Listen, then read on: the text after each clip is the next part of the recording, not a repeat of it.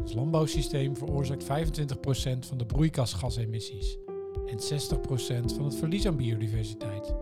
Tel daar de huidige stikstofcrisis bij op en je weet dat de landbouwtransitie nog nooit zo urgent was als nu. Maar het is nog niet te laat. Boeren hebben een oplossing. Maar dan moet natuurlijke landbouw wel het nieuwe normaal worden. Dat is alleen een behoorlijke puzzel. Zeker omdat momenteel veel partijen los van elkaar werken aan een oplossing.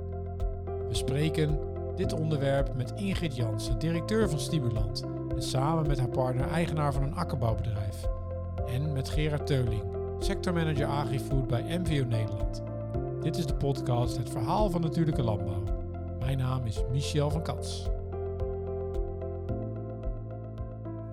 Hartelijk welkom, alle lieve luisteraars, uh, bij het Verhaal van Natuurlijke Landbouw. Ik heb tegenover mij uh, twee gasten zitten, zoals altijd, zoals je van ons gewend bent. Uh, aan de ene kant van de tafel zit Gerard Teuling, collega van mij van MVO Nederland. En aan de andere kant zit Ingrid Jansen van Stimulant. Ik wil even beginnen bij onze gast, bij Ingrid. Hartelijk welkom, allereerst. Dankjewel. Um, we hebben het gaan vandaag hebben over natuurlijke landbouw. Misschien moet ik gewoon eerst even beginnen bij... Wat heb je eigenlijk met dat onderwerp? Heb je, waar komt je, waar, waarom zit je hier aan tafel?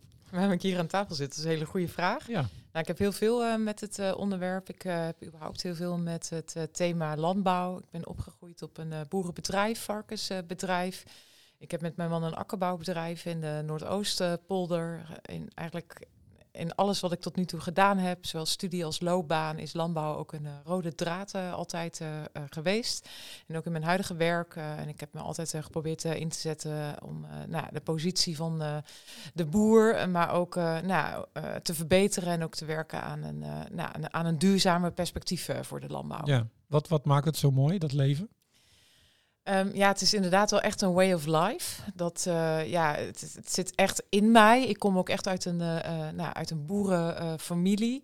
en ik zou ook echt niet, niet anders willen. Het is best wel lastig uit te leggen wat dat dan precies is. Ook aan ja, buitenstaanders, dat, vind, dat klinkt ook een beetje vervelend. Hè? Buitenstaanders, dat klinkt wel alsof er een soort wij of zij zijn. Maar dat is niet zo. Maar het is echt een, inderdaad een manier van leven, identiteit... waar ik me gewoon heel erg ja, mee verbonden voel wie ik ook ben. Ja. Dus uh, ja, het zit, het zit gewoon eigenlijk in mij. Ja, en, dan, en, wat, en, en wat drijft je dan om voort te gaan? Waar werk je naartoe? Ja, waar werk ik naartoe? Dat doe ik eigenlijk ook op verschillende niveaus. We hebben dus zelf een akkerbouwbedrijf, gangbaar. 50 eh, hectare. We zitten in de Noordoostpolder. En wat daar heel erg speelt, uh, nou, dat is eigenlijk de meest vruchtbare grond in de wereld. Dus we halen de hele hoge opbrengsten halen we ervan af. Maar um, nou, de grondprijs is heel duur uh, in de Noordoostpolder. Je betaalt voor 1 hectare 165.000 euro. Nou, dat is, daar kun je bijna niet meer tegenop boeren. Nou, wij pachten ook onze grond. En nou, Uh, en dan is ook de vraag van hoe ga je dan verder? Opschaling is voor ons heel uh, lastig, ook financieel uh, gezien. Dus we willen dan toch wat meer zoeken in de verbreding. En wij hebben echt hele concrete plannen om van ons akkerbouwbedrijf een kringlooplandbouwbedrijf te maken. En dus ook ehm, gemengd. dus ook met veehouderij bij, biologisch. Maar we hebben alle plannen nu in de ijskast gezet, omdat we gewoon niet weten waar het naartoe gaat. En je gaat niet een paar miljoenen investeren, nou ja, als de situatie zo onduidelijk is, ook met beleid. Maar willen dus ook laten zien op ons eigen bedrijf van hoe het dus uh, kan. Uh, we hebben heel veel nou, expertise opgedaan de afgelopen jaren met regeneratieve landbouw. Dus waar het maar kan, proberen we dat er wel uh, toe te passen. Mm -hmm. Ook natuurlijke hulpbronnen proberen we in te vlechten, te ja, of te verweven in onze bedrijfsvoering. Om een heel concreet voorbeeld te noemen. We hebben een torenvalkkast. Dat klinkt heel schattig, hè? Torenvalkjes. Nou, -hmm. Het zijn behoorlijke heftige beesten. heftige beesten. Maar het zijn wel natuurlijke muizenbestrijders. Ja. Dus daardoor is onze muizenpopulatie heel uh, laag. Want ja, muizen vreten ook weer de gewassen aan. Dus zo Ja. op, op die manier willen we het laten zien. Maar goed, ik ga nu wel heel erg in de detail. Ja, ik denk dat we hier zo meteen zeker nog op verder gaan. Ja, hoor. Ehm, ik, ik, ik ga deze vogel heel even laten vliegen. Ja, dat snap ik. Ehm, wat nog wel heel veel goed is, voordat ik even naar Gerard ga, is... eh, je bent ook directeur. Van Stimulant. Ja. Voor de luisteraar die nu denkt, Stimulant. Hmm, wat Ja. is dat eigenlijk precies? Ja, dat, eh, om het heel kort, dat is een beetje lastig. Maar eh, Stimulant is een eh, stichting, een maatschappelijke organisatie. We zetten ons in voor een vitaal platteland en een sterke agrarische sector. En dat proberen we ook op allerlei verschillende mm, ja, manieren te doen. Meer in de één op één advisering richting boeren, maar we werken ook met boerengroepen. Dus dat, dat zijn nou, boeren die iets willen, bijvoorbeeld in bepaalde gebieden. Het kan ook zijn dat ze tegen Natura 2000 gebieden aan zitten. En dus ook ook dat we met die groepen boeren op zoek zijn van nou, ook naar nieuw perspectief. Uh, dus dat doen we meer in groepsverband, maar proberen we die ook weer aan elkaar uh, te linken. Dus we zijn ook bezig met het opzetten van praktijknetwerken. maar we vervullen ook wel de rol van kwartiermaker bijvoorbeeld in de veenweidegebieden. Ja. Dus echt heel divers. Ik kan nog heel veel voorbeelden opnoemen, maar ja, dat proberen we dat meer op die manier te doen. Maar wat wel ons heel erg kenmerkt is dat we heel erg werken van onderaf. Ja. Dus, uh, en dat proberen we wel weer te nou, verbinden met zeg maar uh, beleidsambities. maar juist die kracht van onderaf, uh, ja, daar geloven we heel erg in. Ja, het klinkt bijna een beetje als een, als een MVO Nederland voor het platteland, Gerard. Nou ja, dat, ja. dat, dat, hebben we al eens eerder geconstateerd. Van, ja. nou, dit, inderdaad een beetje soortgelijk DNA. Ja, wij, wij zijn natuurlijk ook een club van uh, bottom-up bouwen. En, um, nou ja, maar dan meer vanuit de keten. Dus inderdaad, we hebben... kun je heel even voor de luisteraar schetsen wat jouw rol daarin is? Nou ja, als ik het heel kort samenvat, onze rol is eigenlijk een, een rol van wij bouwen partnerships met mensen die voor de troep uit willen lopen. Dus, dus het gaat heel erg om ambities, om, om, om vraagstukken, maar ook al om, uh, nou ja, like minded mensen willen opzoeken en met elkaar iets willen creëren wat er nog niet is. Dus um, nee, ik zeg wel eens als op het moment dat een ondernemer bij ons aanklopt van nou, ik heb een duurzaamheidsverslag, wil je eens even meekijken, zeg nou, ga naar adviseur X, Y of Z. Op het moment dat iemand aanklopt met een droom of een idee of een vraagstuk waar hij zelf niet uitkomt, waar die anderen voor nodig heeft, daar start vaak onze rol. Dus wij beginnen, we zijn echt van het bouwen van collectieven met nou ja, toch wel ambities die een stuk verder liggen dan ja, wat je in je eentje ja. kan wat, realiseren. Wat vind je daar zo mooi aan, uh, Gerard? Nou ja, de realiteit. meer dan tien jaar. Ja, ja, ja. Nou ja, de realiteitszin die erin zit. Want het, het, alles waar we voor staan, als je het hebt over duurzaamheid in voedsel, vraagt om dat soort partnerships. Je krijgt dat niet in je eentje gerealiseerd. Tuurlijk, je kan als ondernemer gewoon je, op jouw postzegeltje je ding doen. Maar daarmee krijg je nooit voor elkaar wat, wat er nodig is, zeg maar, in die transitie die uh, voor ons ligt. Ja. En, maar als je kijkt naar voedsel. Nou goed, we kennen al uh, rapportjes. En uh, als je het hebt over biodiversiteit en klimaat en de impacts die juist ook ons, ons voedselsysteem nu heeft op, op, op onze planeet. Ja, daar word je best wel droevig, droevig van. Dat is natuurlijk echt wel verwoestend. Dus, maar dat laat ook zien van ehm, het is niet iets wat één tak van sport binnen die uh, eigen foodsector kan oplossen. Hè. Dat, dat is een vraagstuk waar de overheden over gaan, waar bedrijven over gaan, waar boeren over gaan, waar eigenlijk iedereen die nou ja, uh, in dat voedselsysteem zit, of je nou voerleverancier bent of bank, uh, iedereen heeft daar een rol in. En, en ja. eigenlijk wat wij doen is dus inderdaad de mensen bij elkaar brengen die, dat, die ook op dezelfde agenda willen acteren en met elkaar ook concreet stappen daarin willen zetten. Ja. Zullen we even ehm, helemaal naar het begin. Hè? Uh, we denken dat het een beetje duidelijk is waar jullie, in welk veld jullie je begeven, letterlijk even. Uh, we noemen deze podcast het verhaal van natuurlijke landbouw. Dan kan ik me voorstellen dat, je, dat er dan mensen zijn die zeggen, oké, natuurlijke landbouw, wat, wat, wat is dat dan precies? Ik heb wel eens gehoord van biologische landbouw misschien. Nou, als je heel erg uh, erin zit, regeneratieve landbouw, zegt je dan misschien ook nog wel iets. Maar waar hebben we het eigenlijk over als het gaat over natuurlijke landbouw? Misschien moet ik even bij Gerard beginnen en dan vraag ik daarna aan Ingrid van wat dat dan in de praktijk betekent in, in de kern wel, als wij kijken naar natuurlijke landbouw, denken wij aan vier dingen. Dat is in de kern van hoe ga je weer toe naar um, ja, een, een, werkende bodembiologie. De, de, de, als je kijkt ook naar biodiversiteit, het wordt gewoon het grootste thema van de komende decennia als je het hebt over duurzaamheid in voedsel. Uh, 60% van de biodiversiteit zit gewoon in je bodem. En, en wij zijn heel erg gewend geraakt om die ecosystemen in de bodem continu te verstoren. Dus uh, hoe zorg je ervoor dat je dus die ecosystemen eigenlijk juist weer intact brengt en zijn werk laat doen? Nou, dat is een hele belangrijke.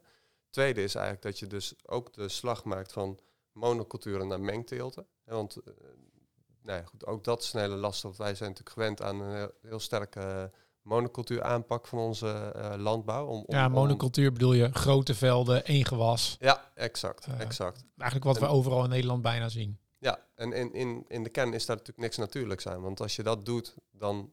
Uh, ja, dat is natuurlijk vraag om ziektes. Hè. Dus net als met heel veel kippen in één schuur. Um, ja, er hoeft maar één bacterietje binnen te komen, bij wijze van. En, en in no time heb je de boel uh, uh, ja, ontregeld. De, dus in de kern gaat natuurlijke landbouw ook om weerbare systemen. Dus um, weerbare systemen in de zin van, van, van nou ja, hoe zorg je ervoor dat niet meteen alles op zijn gat ligt als er, iets, uh, als er een ziekte komt? En dat gaat eigenlijk over, in de kern over diversiteit. Dus hè, de, mm, wat doe je met rassensoorten uh, om dat eigenlijk weer een stukje terug te brengen? Nou goed, dus we hebben nu eigenlijk twee dingen benoemd. En bodembiologie ja. centraal, tweede omslag van monocultuur naar mengteelt. Ja. Is voor ons uh, eigenlijk het bijdragen aan lokale ecologie. En dat kan op allerlei manieren. Dat kan met heggen, dat kan met, met struwelen, met het mooie coulissenlandschap in uh, Overijssel. Dat kan met allerlei dingen. Uh, maar dat je ook, ook, ook gewoon kijkt als, als, als ondernemer, hoe kunnen wij daarin toevoegen? Ja. Er zijn nog eventueel aan kunnen toevoegen lo lokale econ economie. Hè? Dus wat kan je met lokale ondernemers daar nog meer doen? en als vierde is uh, eigenlijk gewoon de, de, ja, de afbouw van, uh, van je inputs. Dus dan gaat het om ja, toch veel minder uh, ja, kunstmest, gewasbeschermingsmiddelen, krachtvoer. Ja. Dus hoe ga je daarin ook op andere manieren je boel opbouwen? Ja. Dus kringlooplandbouw, dus. dat soort... sorry? Meer valken dus? Ja, onder andere. Onder andere. Ja, nee, dat, dat, maar dat klinkt als dus een dat is eigenlijk in de kern voor ons uh, hoe het even. En dan kan je allerlei labeltjes aan hangen. Hè? Als wij, wij werken natuurlijk veel met bedrijven, dan gaat het al snel over regeneratief. Ja. Uh, kom je in overheidscircuits, dan gaat het om natuur inclusief. Uh, je kan het permacultuur noemen, biologisch, biologisch, dynamisch. Maar in, voor ons zijn eigenlijk die vier punten wel, is wel de kern van wat wij noemen natuurlijke landbouw. En dat is eigenlijk waar we ook met onze ketenpartners aan willen werken en bijdragen. Ik zie Ingrid hevig knikken, dus volgens mij kan ze dit goed volgen. Ja, nee. Dit, uh... Doen jullie dit ook op, jou, op jullie akkerbedrijf en in, welke, in welke vorm? Um, nou, ik kan dit inderdaad uh, heel goed uh, volgen. ik denk dat het wel goed is om ook in, nog een stap terug te doen. Inderdaad, we hebben te maken gewoon met een landbouwsysteem. Hè. Dat is ook op een bepaalde manier ingericht. Um, ik zal niet helemaal teruggaan naar de historie, maar na de Tweede Wereldoorlog hebben we eigenlijk ook met elkaar gezegd, nou, we willen nooit meer honger. En nou, er zijn bepaalde keuzes gemaakt, ook vanuit beleid uh, van nou, we gaan deze richting op. We gaan toe naar een hele efficiënte, hoogproductieve, innovatieve landbouw.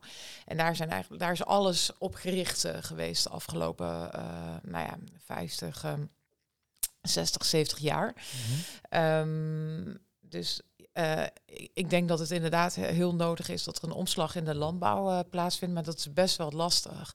Dat doe je niet zo, dat gaat niet zomaar in de praktijk. Dus ik vind mijn ouders daar ook wel een mooi voorbeeld uh, van. Ik ben opgegroeid op een varkensbedrijf. dus inderdaad, waar veel varkens in een stal zitten. Maar ik heb mijn ouders waren wel altijd mijn grootste voorbeeld. Ik wil, zij hebben zeven dagen in de week, 24 uur per dag, hebben ze echt zo goed mogelijk voor hun dieren proberen te zorgen binnen dat huidige systeem. Mm -hmm. En je moet wel echt enorm sterk in je schoenen staan. Wil je je van dat systeem onttrekken. Uh, ik kan daar gewoon ook uh, een, een, eigen voorbeeld uh, geven. Dus met onze eigen plannen die wij hebben, dus op ons akkerbouwbedrijf. Dus wij willen van ons akkerbouwbedrijf een kringlooplandbouwbedrijf maken. dus we willen naast ons akkerbouwbedrijf ook biologische varkens. Houderij, ja, daar ligt toch deels mijn, mijn liefde. Mm -hmm. um, maar dan wil, willen we ook op een hele andere manier bouwen. Dus wij hebben een bepaald ontwerp, wat ook heel erg past in het, nou, in het landschap in de Noordoostpolder. Maar dat, dat vraagt een hele andere manier van denken. Maar als je het dan hebt, uh, nou, als je het daar met je adviseurs dan over hebt, nou, ze snappen dat niet. Hoezo wil jij een paard om meer uitgeven aan een aan een stalsysteem. Hè? Dat kost toch veel geld. Uh, dat geeft even aan van hoe uh, het is zo kostprijs uh, gedreven. Ja, en, en dan, ja, dan denk ik, ja, hoezo moet ik dat aan jou gaan uitleggen? Hè? Als wij mm -hmm. dat mhm. willen, dan doen we dat ja. toch lekker. En prima dat je inderdaad daarop reflecteert. Maar alles en iedereen is eigenlijk zit nog steeds in dat stramien. Dus ook al kunnen, zeg maar, bij wijze van spreken, of dat dan ministers zijn of de CEO's van grote bedrijven. Kijk, als het in de on aan de onderkant de, nog niet, hè, als het daar nog niet zit, dat zijn wel namelijk de adviseurs die ook op de boerenerven komen. Ja. Dus da daar zit wel, daar zit wel uh, uh, iets. Dus ik denk zeker dat we die omslag ook in de landbouw uh, moeten gaan maken. Maar in de praktijk is dat best wel lastig van hoe doen we dat nu?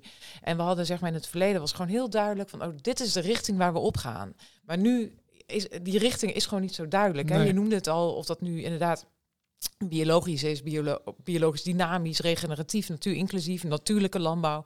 Ja, in de kern komt het er voor mij uh, allemaal wel een beetje op hetzelfde neer. En dan zijn die uitgangspunten die MVO Nederland hanteert daar wel een hele goede uh, uh, in. Ja. Maar iedereen heeft daar dus een ander beeld van. Er wordt zelfs gewoon ook over onze huidige landbouw gezegd, ook door partijen. Ja, maar dat is ook al heel duurzaam, want we hebben namelijk een hele lage output. Dus het is ook best wel lastig hè, als daar niet ook echt een, een soort eenduidige overeen of en niet echt overeenstemming in van wat, waar hebben we het dan eigenlijk over? Wat is dat dan precies? Dat maakt het best wel ingewikkeld. En ook, ja, de boer, de boer bestaat niet. Elke boer is verschillend. En je zult, waar, ik in geloof en waar ik denk dat waar we ook naartoe gaan, is, nou, we zijn wel in Nederland heel erg ver doorgespecialiseerd. dat zie je ook in de verschillende deelsectoren binnen de landbouw. Um, maar ik denk dat we straks, we gaan denk ik wat meer weer terug naar hoe het ooit was. We gaan niet naar het Ottensien tijdperk, maar ik geloof wel dat we weer wat meer teruggaan naar het gemengd uh, bedrijf, maar dan in de huidige tijd. Ja. En ook dat we gewoon verschillende, ja, dat het gewoon heel divers wordt. Dus we uh, dus niet een, hè, we met z'n allen alleen maar exporteren. Maar je zult dadelijk zien dat je een veel diverser uh, landschap krijgt in de landbouw. Dat is in ieder geval wat ik denk waar we naartoe gaan. Ja, ja, ik zie Gerard ook knikken. Dus ik... Nou ja, ik zou het natuurlijk heel mooi. Ik weet nog goed, ik was toen ik, uh, ik ben ook opgegroeid in uh, landelijk gebied. ik weet nog goed, ook op, uh, nou, als ik twaalf ging naar de middelbare school, fiets ik door al die weilanden naar uh, Waalwijk toe. Ik kom uit Brabant. Ja. Maar ik weet nog goed in die, die fase van een beetje eind basisschool bij mij. Dat, ik heb zoveel bomen tegen de vlakte zien gaan. Hè, op de dijken, maar ook inderdaad op de, op de akkers, akkerranden.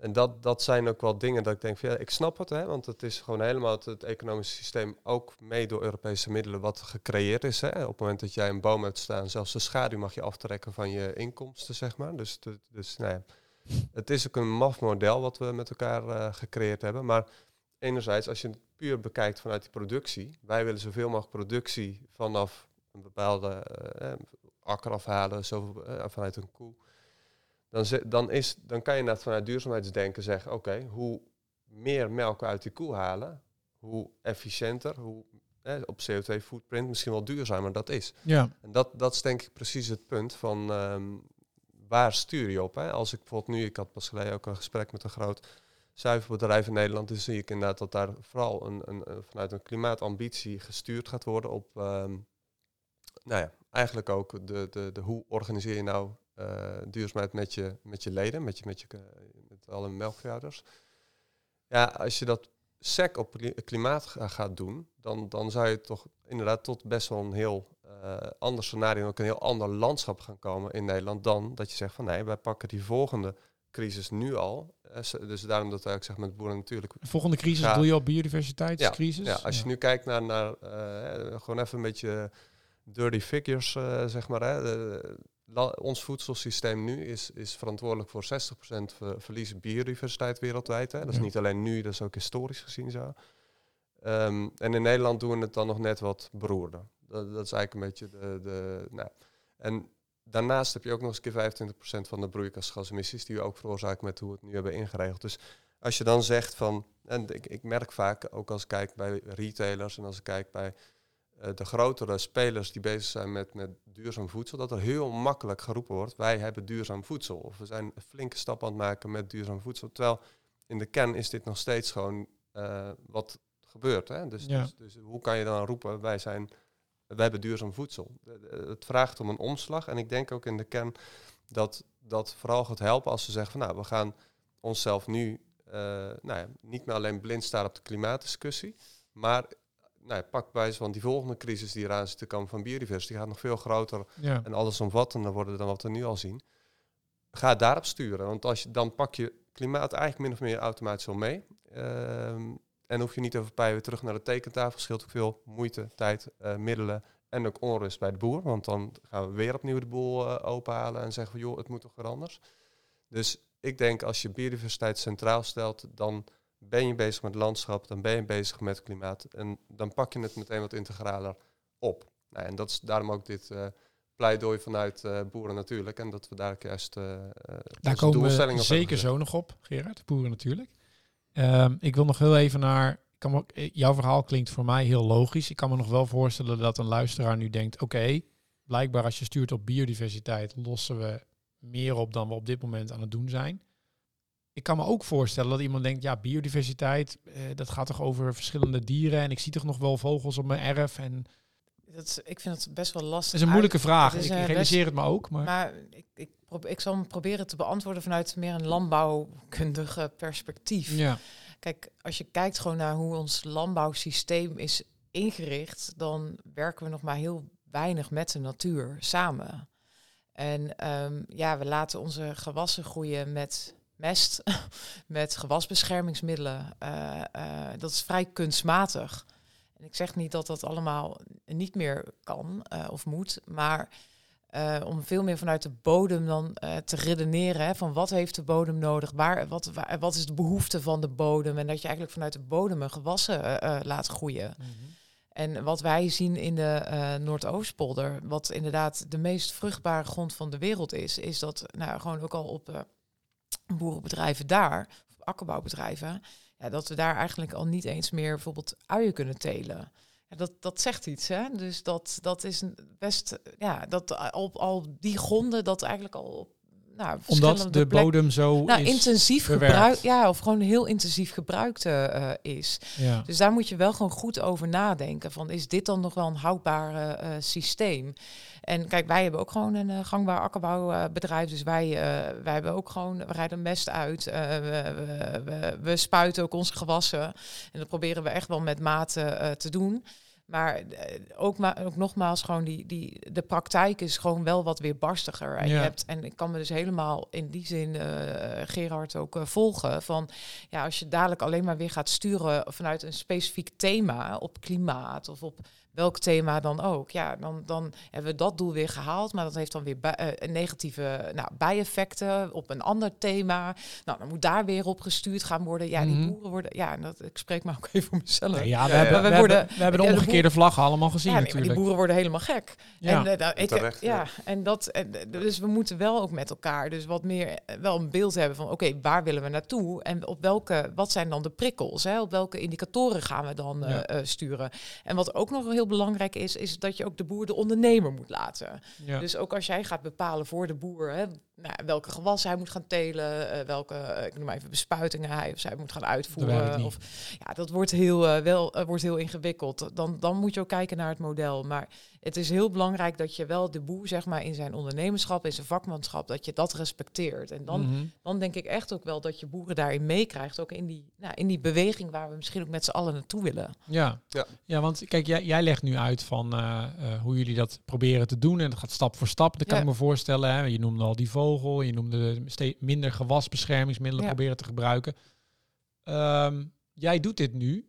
Maar er zijn, weet niet hoeveel boeren er in Nederland, bedrijven er in Nederland zijn. Maar er zijn er ook heel veel die misschien dat niet doen. Om een bepaalde reden. Die zitten in dat systeem, gaf je al aan. Dus het is heel moeilijk. Hè. Je zei van je moet echt wel je moet echt wel bereid zijn om er heel veel in te steken. Je noemt Ja. wel dat, dat kostprijsverhaal. Wat, wat is er dan nou nodig om, om ervoor te zorgen dat die boeren enerzijds wel als ondernemer eh, eh, kunnen blijven functioneren, maar dat we ook met z'n allen, hè, Gerard gaf het al aan, die 60% biodiversiteit, hoe kunnen we dat dan bij elkaar brengen? Ja, ik denk dat het gewoon heel belangrijk is dat initiatieven die we dus ook vanuit Stimulant eh, ondernemen met boerengroepen.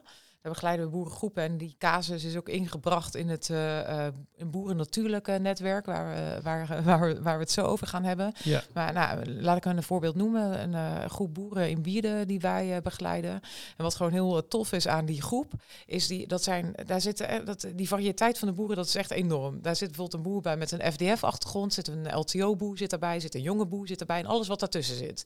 Maar dat maakt niet uit welke achtergrond je hebt. Het, het is niet relevant. Wat relevant is, is dat zij zitten tegen een Natura 2000 gebied aan, Wierdense-veld. En zij hebben een gezamenlijk belang. Dat is namelijk dat ze een toekomstbestendig bedrijf willen eh, eh, creëren. En dat toekomstbestendige bedrijf willen ze doorgeven aan de volgende generatie. En ze zijn zo verbonden met dat gebied. Ze willen daar ook niet weg. Dat, hè, ook eh, als je de vraag stelt ook aan de meeste boeren waar ze zitten, wil jij verhuizen? Nou, ze geven nog eerder een bedrijf op dat, dat ze verhuizen, dat ze op een andere plek kunnen verder boeren.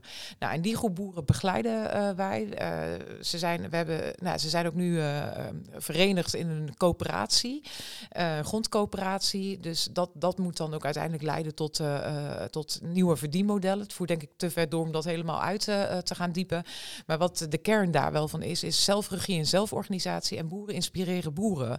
Kijk, Ja. als jij vanuit het ministerie in Den Haag gaat zeggen hoe je dat moet doen, nou, dat, dat dan red flags eh, all over, zal ik eh, willen zeggen. Maar als, als, als boeren elkaar laten zien van, nou, eh, hoe hè, la- dan, dat werkt beter. Om ook even een praktijkvoorbeeld vanuit onze eigen boerderij. Nou, mijn man die ging een aantal jaar geleden ging hij ploegen met een ecoploeg. Dus dat is een minder zware machine. Minder, gaat ook minder diepe de grond, eh, De grond in, ja. En andere boeren kwamen kijken van wat is die pellenboer daar aan het doen. Maar gewoon omdat ze, ja, iedereen is aan het zoeken. En andere eh, boeren tegenover ons, die ploeg bijvoorbeeld zijn land eh, niet meer. Dus iedereen is wel aan het kijken, aan het proberen. Het zijn allemaal gangbare boeren. Dus de wil zit daar wel. Maar het gaat met name om die manier van werken, dat ze gewoon naar elkaar kijken. En we proberen vanuit Stimulant dat proces ook nou, Ja. wat te faciliteren, de boeren ook bij elkaar te brengen die ook iets willen. En hopelijk ontstaan daardoor andere boerengroepen. En nou ja, netwerken zoals Boeren Natuurlijk, of ook die eh, NVO Nederland kan bieden, daar proberen we dus ook weer slimme verbindingen te leggen. Ja, dus, dus, dus even samenvattend zou je kunnen zeggen van het systeem is nog niet voldoende ingericht of Nee. verandert te vaak By op deze nog nee, natuurlijke manier van landbouwen. Ja. Dus wat je nu ziet is er worden groepjes die gaan bij elkaar, die gaan eigenlijk mm, Nou, een beetje buiten het systeem om proberen te Ja. werken. Ja, Ja. dat is wel het idee in ieder geval. ja, precies. Maar ik kan me ook Maar daar hebben we dus ook wat we daar dus zien. Hè? Dus die boeren gaan zich eh, verenigen. Eh, Bijvoorbeeld ook in, in, in een coöperatief verband. We gaan eigenlijk weer terug naar de coöperatie waar het ooit voor bedoeld was. Hè? Ik bedoel, we hebben heel veel landbouwcoöperaties, maar dat zijn meer coöperatieve ondernemingen dan echt coöperaties. En we zien eigenlijk dat we weer teruggaan naar waar coöperaties ooit voor eh, bedoeld zijn. Kijk, en ook de, dat initiatief waar ik net aan refereerde, die willen eigenlijk ook nou, gewoon grond in gaan, gronden gaan verwerven, gronden gaan exploiteren, gronden gaan beheren. Of ook, nou, en ook, ook gaan uitgeven aan hun eh, leden. Dat zijn dus ook boeren uit dat eh, eh, gebied. Dus ze willen eigenlijk eenzelfde status krijgen als andere terreinbeherende organisaties, zoals Staatsbosbeheer, Natuurmonumenten. Maar waar we daar weer mee te maken, waar we nu mee te maken hebben, is ja, toch belangen. Want Mhm. dat zijn namelijk al, en of, of je het nu hebt in de keten met bijvoorbeeld voerfabrikanten, gewasbeschermingsmiddelenfabrikanten. Aan de andere kant heb je dat natuurlijk ook. Met inderdaad al gevestigde terreinbeherende organisaties, die al, waar het altijd vanzelfsprekend is dat daar de gronden naartoe gaan. En nu willen boeren dat gaan doen. Ja, je snapt wel, dat, dat brengt natuurlijk ook iets teweeg. Dus je hebt ook aan die kant, heb je dus ook te maken met... Dus je bent op zoek naar nieuwe verdienmodellen, hè, ook voor de agrarische sector. Eh, ehm, maar ook zeg maar aan die kant, dus ik noem het toch maar even de wat meer groene kant... is ook maar weer de vraag... Ja, daar- ook daar, hebben we ook wel, daar zien we ook wel dat we daar ook wel aan belangen raken. En dat doet ook wel weer iets. Ja. Zeg maar Ja. een beetje op een positieve manier Ja, geformuleerd. maar ik, ik snap wel ja, wat je ja, bedoelt. Want je bent, je bent, je bent Ja. afhankelijk van allerlei... ja, Van dit iedereen. is nieuw, Ja. dus dat eh, is eh, een beetje spannend. En, en ook eh, overheden, dat merk ik ook hoor. Wij proberen dan ook met de provincie Overijssel daar ook wel dingen in eh, voor elkaar te krijgen. Ik vind dat ook heel spannend, want wij zijn toch de gebiedsregisseur. Ja, Nou ja, Mhm. Ja. eh, nou ja, zo. nou ja. maar ik, dat, dat maakt jullie rol ook zo mooi en Ja. uniek. Hè? Van, jullie hebben dat vertrouwen met die boeren al opgebouwd, doordat je er al heel lang mee samenwerkt. Ja. Ja, dat, dat maakt jullie natuurlijk bij uitstek een, een partij ook om dat ook mee te helpen en te ondersteunen. En ik denk inderdaad, het zien natuurlijk overal nu met boerengroepen, dat zelforganisatie natuurlijk door, door heel Nederland heen gebeurt dat nu, hè? Want Ja. het liefst even niet de provincie erbij of het landelijke. En dat is heel logisch. Ehm, en, en tegelijkertijd, je zal ze toch... eh, kijk, we waren twee weken geleden, hadden wij een ontmoeting op ehm, eh, regeneratieve boerderij hier in eh, Utrecht, eh, Leersum. Eh Schevenkoven, mooie plek, eh, landgoed, ehm, omgebouwd tot een regeneratieve permacultuurboerderij. Dus geen eenjarige gewassen meer, maar allemaal meerjarige gewassen. En daar hadden we dan ehm, Johan Ozinga, die was daar op bezoek, eh, hadden we uitgenodigd. Voor de, DG, dat? is Voor de- de, Ja, dus DG van eigenlijk de, de, de hele transitie van het landelijke gebied, zeg maar. Die gaat over die hele puzzel die er te leggen komt, zeg maar, de komende jaren. En eh, Guido Landheer was er ook bij, dus de DG van DG Agro van het eh, ministerie. En een gedeputeerde van Utrecht. En hadden een ontmoeting daar met, met meerdere mensen. Dus vanuit Boeren Natuurlijk een aantal mensen. Vanuit ander collectief dat we hebben met inkopers. een aantal mensen die ook willen gaan inkopen uit zeg maar, dit soort regeneratieve systemen. En daar ging het dus ook heel erg over. Waar loop je nou tegenaan als jij dus als boer dit wil gaan doen?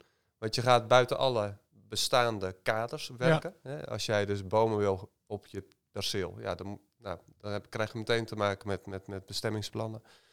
En sowieso ook, hè, of je het hebt over banken die niet gewend zijn om te werken met dit soort modellen. Die weten ook niet hoe ze dat moeten financieren. Tegelijkertijd heb je dus ook een, een provincie en ook ruimtelijke ordening mensen die ook niet weten hoe ze ermee moeten omgaan. Dus je loopt per definitie loop je al me- vast. Want het is anders dan het gebeuren. En zolang, eh, als dat het geval is, dan nou, ga, je- ga je, ja, maak je borst maar nat. Ja. Dus daar eh, zie je ook van, van ehm, in dit geval, en daar heeft eh, Utrecht wel een mooi systeem voor, die hebben dan plattelandscoaches. Nou, eentje was er ook bij. Maar dat is iemand die zegt ook van, ja, mijn rol is, ik ben plattelandscoach, maar eh, dat zit hem voor een heel deel ook binnen wat ik dan doe bij de provincie. Het gaat ook om het meenemen van mensen daar, Ja. vanuit de ruimtelijke ordening, van hoe werk jij nou met mensen die het anders willen gaan doen? Ja. Want dat gaat buiten de bestaande paden. Dus wat dat betreft, daar is gewoon ook nog onwijs Dus, veel je, werk dus, te doen. dus het feit dat jij zelf. daar die, die, die twee DG's, directeur-generalen van, eh, van het ministerie had, en dat verhaal kon vertellen, hoe verraste dat hen, dit verhaal? Ja, ik, ik denk vooral dat de concreetheid, waar hè, we, dus ook gewoon de vraagstukken die daar naar voren werden gebracht, waren natuurlijk gewoon heel concreet en tastbaar op die plek. Wat gebeurde hier? Waar loop je dan tegenaan? Hè, dus dat, dat zie je inderdaad van eh, dat dat eh, inzichten geeft. En tegelijkertijd ook wat ketenpartijen die we daar aan tafel hebben nodig hebben om dan ook te kunnen gaan inkopen bij dat soort eh, Ja. eh, partijen. Dit lijkt mij het perfecte moment om toch even dat bruggetje te maken. Ja, maar mag ik misschien nog één ding toevoegen? Want Nou. ik zit. eh, Nee, mag. Ja? Want ik, ik wil even noemen, we hebben dus inderdaad in die sessie hadden we niet alleen uh, Schevenkoven om tafel, maar ook een buurboer. En dat was dan een varkenshouder, die zit tussen het landgoed en het dorp in. Nou, het dorp is uitgebreid, wat meer nie- in nieuwbouw gekomen. 60-plusser, geen bedrijfsopvolging. Allemaal best wel lastig verhaal. En eh, hij kon zijn bedrijf ook moeilijk verkopen. dus, dus, maar die is een paar jaar geleden, was hij op een voorlichtingshout van Schevenkoven. En ehm, die dacht van, joh, misschien is dat wel wat. En eh, is daarmee gaan, eh, nou, is gewoon gaan, bekijken, joh, kan ik dat gaan doen met, op mijn 10 hectare, zeg maar. Die heeft wel ook schuren staan en nou, dat vraagt een behoorlijk wat wijzigingen. En het mooie is van, hij is nu bezig, volop bezig daarmee. Hij vertelde zijn verhaal dus ook aan, uh, aan Ozega. En dat vond ik eigenlijk misschien wel het mooiste van die sessie. Want dat was eigenlijk gewoon een, een, een verhaal van hoop ook. Van iemand die eigenlijk zegt van, joh, uh, zoals het nu is, dat werkt hier niet. Hè? Het dorp heeft last van de stank. Um, uh, ja, ik zit knel. Ik kan niet zomaar mijn bedrijf verkopen. Ik heb ook geen bedrijfsopvolging. Maar die gaat we nu over een andere boeg gooien. Die gaat inderdaad eigenlijk hetzelfde doen als wat ze op Schevenkoven doen. Die gaat ook naar zo'n regeneratieve boerderij toe. En het mooie is dat hij zijn schuren kan hij weer inzetten voor een stukje verwerking, wat ze ook weer nodig hebben op, uh, um, bij Schevenkoven. Dus er komt een mooie samenwerking uh, tot stand. Maar het mooiste vond ik eigenlijk nog om te horen dat hij zegt op een gegeven uh, inmiddels zegt mijn zoon van 22 van ik vind dit eigenlijk wel heel tof. Kijk. Dus die bedrijfsopvolging, die, die komt er nu alsnog, maar dan via een andere route. En ik merk ook wel van dat, dat, dat zijn natuurlijk wel vragen dat je denkt van ja, daar zit zoveel in. Ook voor andere boeren die niet misschien wel denken van joh, ik zit compleet klem.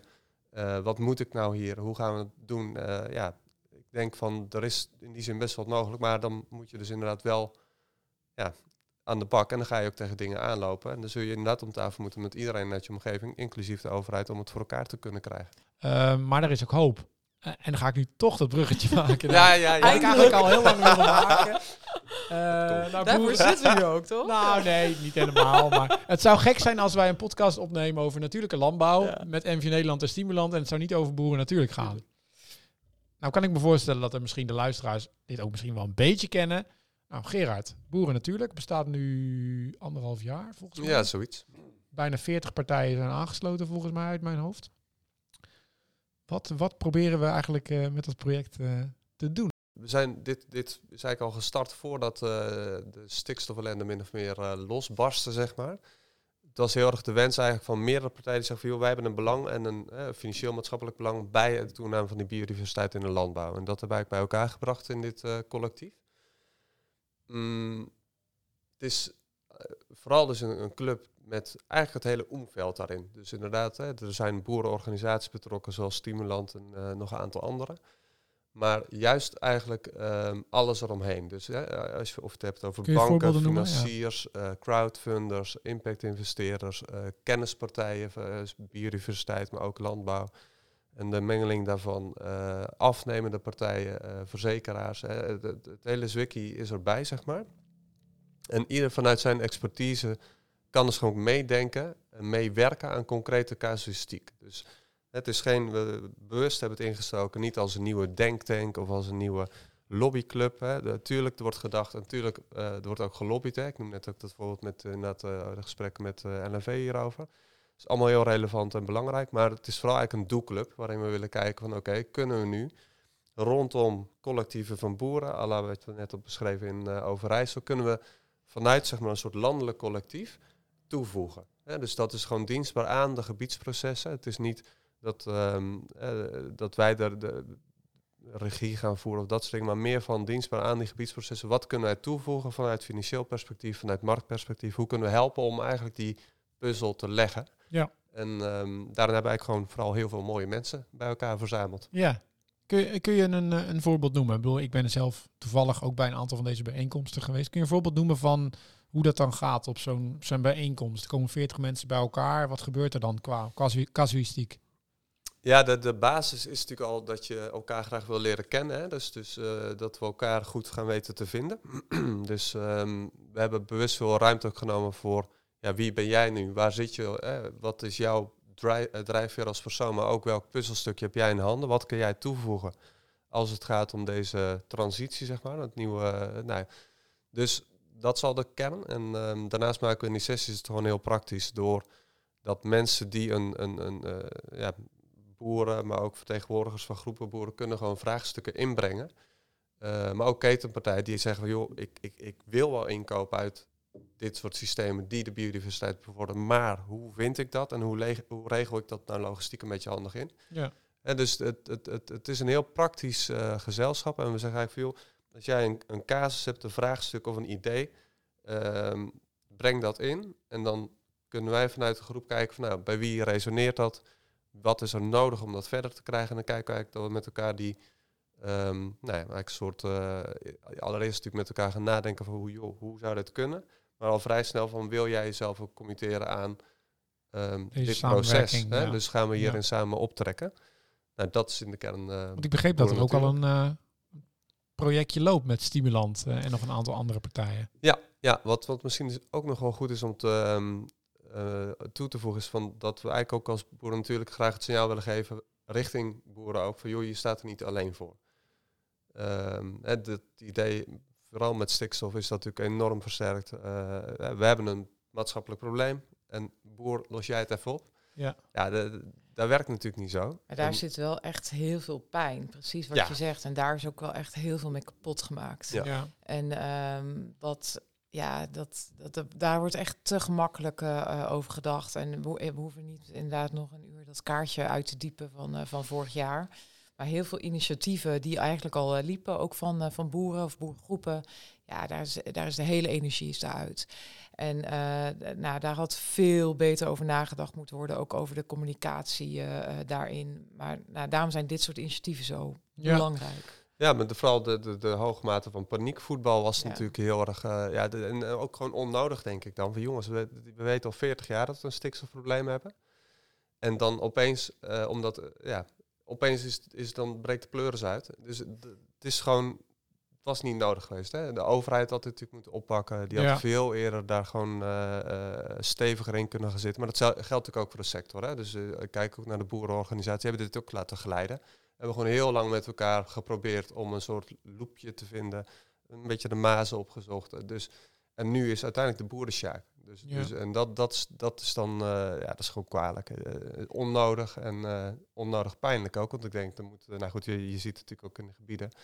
Er zal ook sociaal emotioneel behoorlijk wat gerepareerd moeten ja. worden de komende jaren. Ja. En wat ook gewoon heel belangrijk is, is dus dit soort netwerken, zoals boeren natuurlijk. Ik geloof dat daar uiteindelijk ook perspectief kan worden ontwikkeld, kan perspectief kan uh, uh, ontstaan.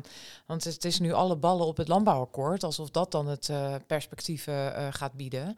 Maar ik ben gewoon heel bezorgd dat daar, dat, dat ook met name alleen maar dadelijk gewoon met, ja, ik noem even instandhouding en, van hetzelfde. Ja, en optimalisering van het huidige systeem uh, zal zijn. Maar wat is nu die omslag? En dat mis ik wel, zowel zeg maar bij Rijksoverheid of, of andere overheden, maar ook gewoon in de sector zelf. Mm -hmm. Nou, dat er gewoon nou, ik mis leiderschap. Ja. dat er gewoon wordt opgestaan en wordt gezegd, ja, nou, dit model is misschien niet meer uh, houdbaar, maar we gaan zoeken met elkaar wat dan wel. En inderdaad, beste boer, u staat niet alleen. We doen het samen. Het is een gezamenlijke verantwoordelijkheid. Want ook even toch even een voorbeeld van mijn ouders. Uh, nou, mijn ouders die, nou, die, die, hebben, die vragen zich bijna elke dag af, wat heb ik verkeerd gedaan? Om, maar ze hebben gewoon gedaan wat de overheid van ze vroeg. En Mhm. dat is ook iets, dat stukje eh, nou, erkenning van ja, nee, inderdaad, zo was het. En u heeft precies eh, gedaan, eh, of u heeft precies gedaan wat wij hebben gevraagd. Dat is ook niet, hè, dat is niet goed of fout. Dat was gewoon de, zo. Maar nu zeggen we met elkaar, ja, dit is niet meer houdbaar. En dan moeten we ook met elkaar zoeken eh, hoe dan wel. Ja, Maar het wordt echt volledig over de schutting gekieperd bij eh, de boer. bij de boer. En eh, terwijl je echt samen moet zoeken naar perspectief. En daarom zijn dit soort netwerken zo belangrijk. Ja, Ja. ja. Ja, en het, het, het is in die zin ook een verhaal van, eh, en dat, dat signaal van, het is, ehm, je staat er niet alleen voor, dat, dat hoop ik ook heel duidelijk inderdaad ook gewoon goed neer te zetten nu. Van, eh, en, nou ja, als je het hebt over concrete casussen. Ehm, we hebben inderdaad, we hebben- de vorige sessie hadden eigenlijk, ehm, eigenlijk twee compleet andere soorten casussen van groepen boeren. Eentje was de duinboeren in Brabant. dat was een afzetvraag, want daar is eigenlijk een hele groep boeren, 150 boeren, die zijn al jarenlang bezig met een gebiedsplan en met allerlei interventies om te zorgen dat ze de boel eh, nou ja, anders doen. Hè. Dus er gaat veel om, om, om ook gewoon ingrepen als het gaat om hoe boeren wij in dit gebied, hoe zorgen we dat eh, de loonscentrumse duinen niet verder eh, onder druk komen te staan, et cetera, et cetera. Nou, daar gebeurt van alles moois, die, maar eh, je krijgt op een gegeven moment een afzetvraag. Ja, waar moet die- waar moet dan die kaas heen? spulletjes? Hoe verwaren we dit? Hoe regelen we dat aan logistiek kan nog in? Nou, dat, dat was eigenlijk het vraagstuk wat we hebben besproken in een subgroep. Ehm, eh, de vorige keer dat we bij elkaar kwamen.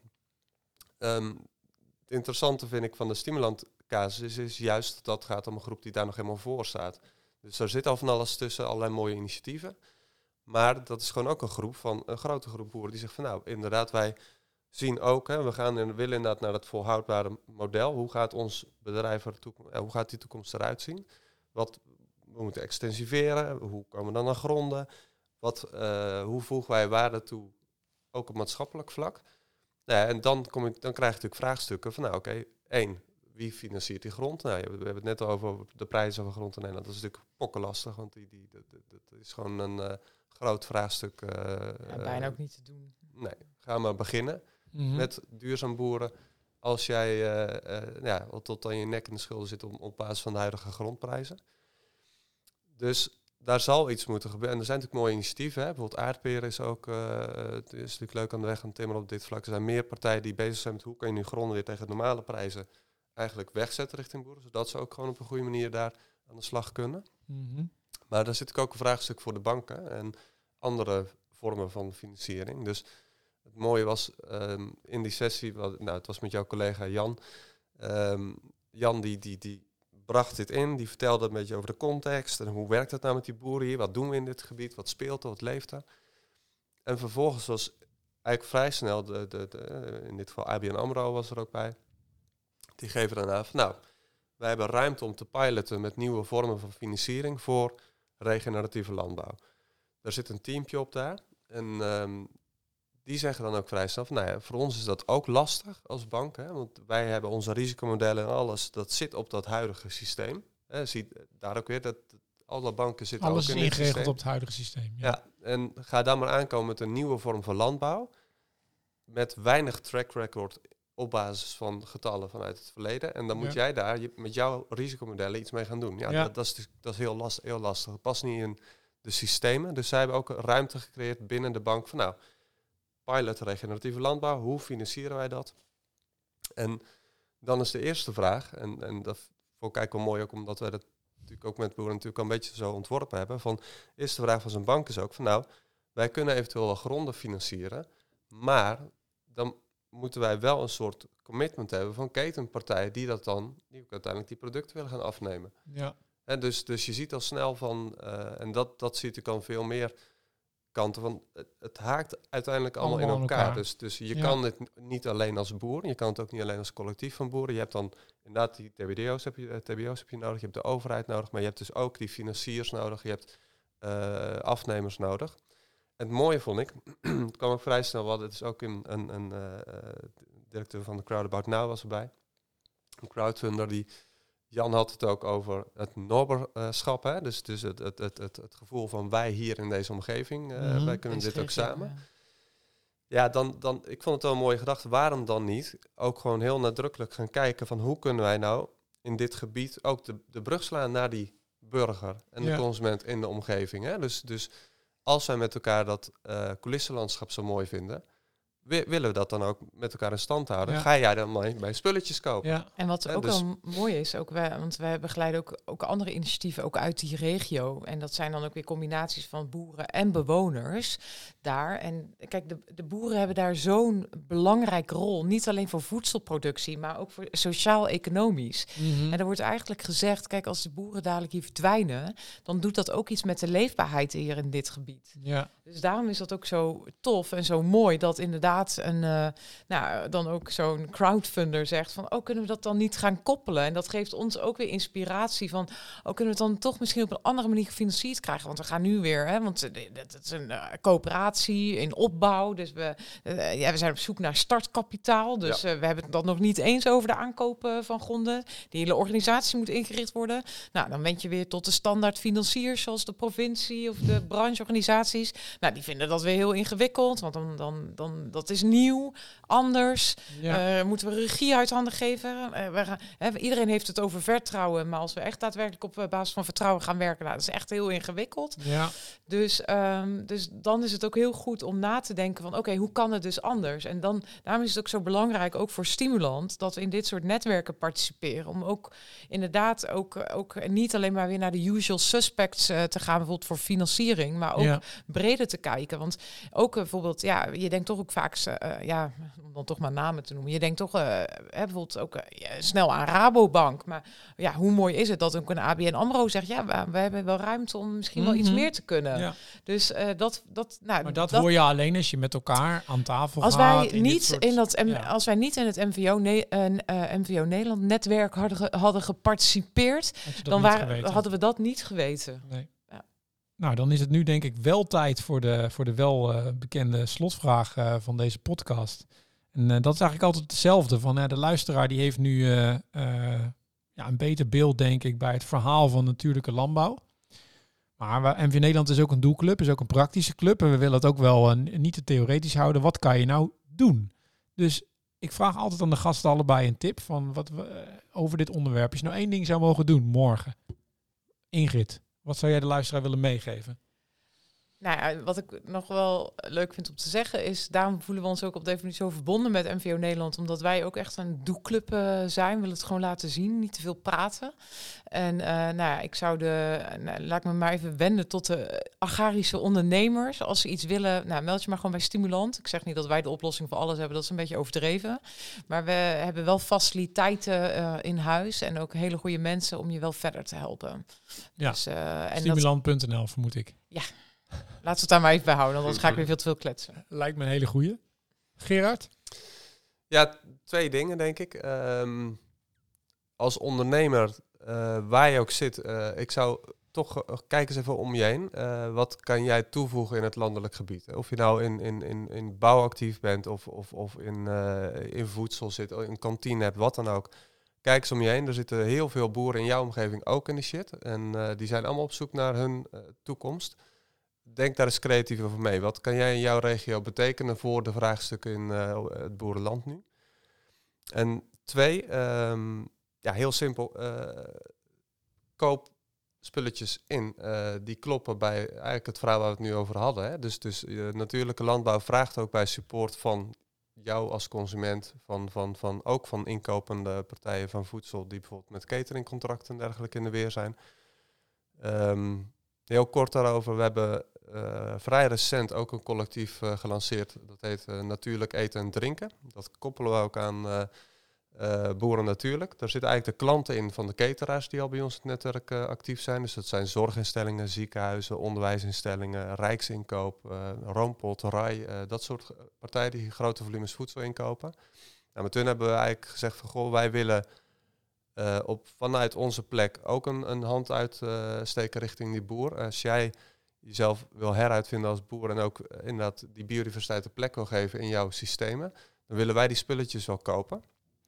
Dus dan gaat het inderdaad om, om nou ja, ook vanuit de markt al een, een, een handreiking uh, om dit mee, voor, mee uh, mogelijk te maken. Ik zou het heel mooi vinden als het ook echt in de regio's kan landen. Dus dat bewijzen van een stad als Zwolle uiteindelijk gaat zeggen van, goh, ook daar een grotere partij die, die volumes voedsel inkopen, misschien ook een horeca, zeggen we, joh, wij gaan ook uit de regio's uit uh, gaan we gewoon voedsel kopen vanuit dit soort collectieven die stappen willen zetten. Daarmee helpen we dat ja, het, het, platteland ook richting een, een toekomst die enerzijds nou ja, leefbaar is en vitaal, maar ook gewoon een, een, een, een ja, letterlijk een mooier landschap. Hè. Daar heeft iedereen baat bij.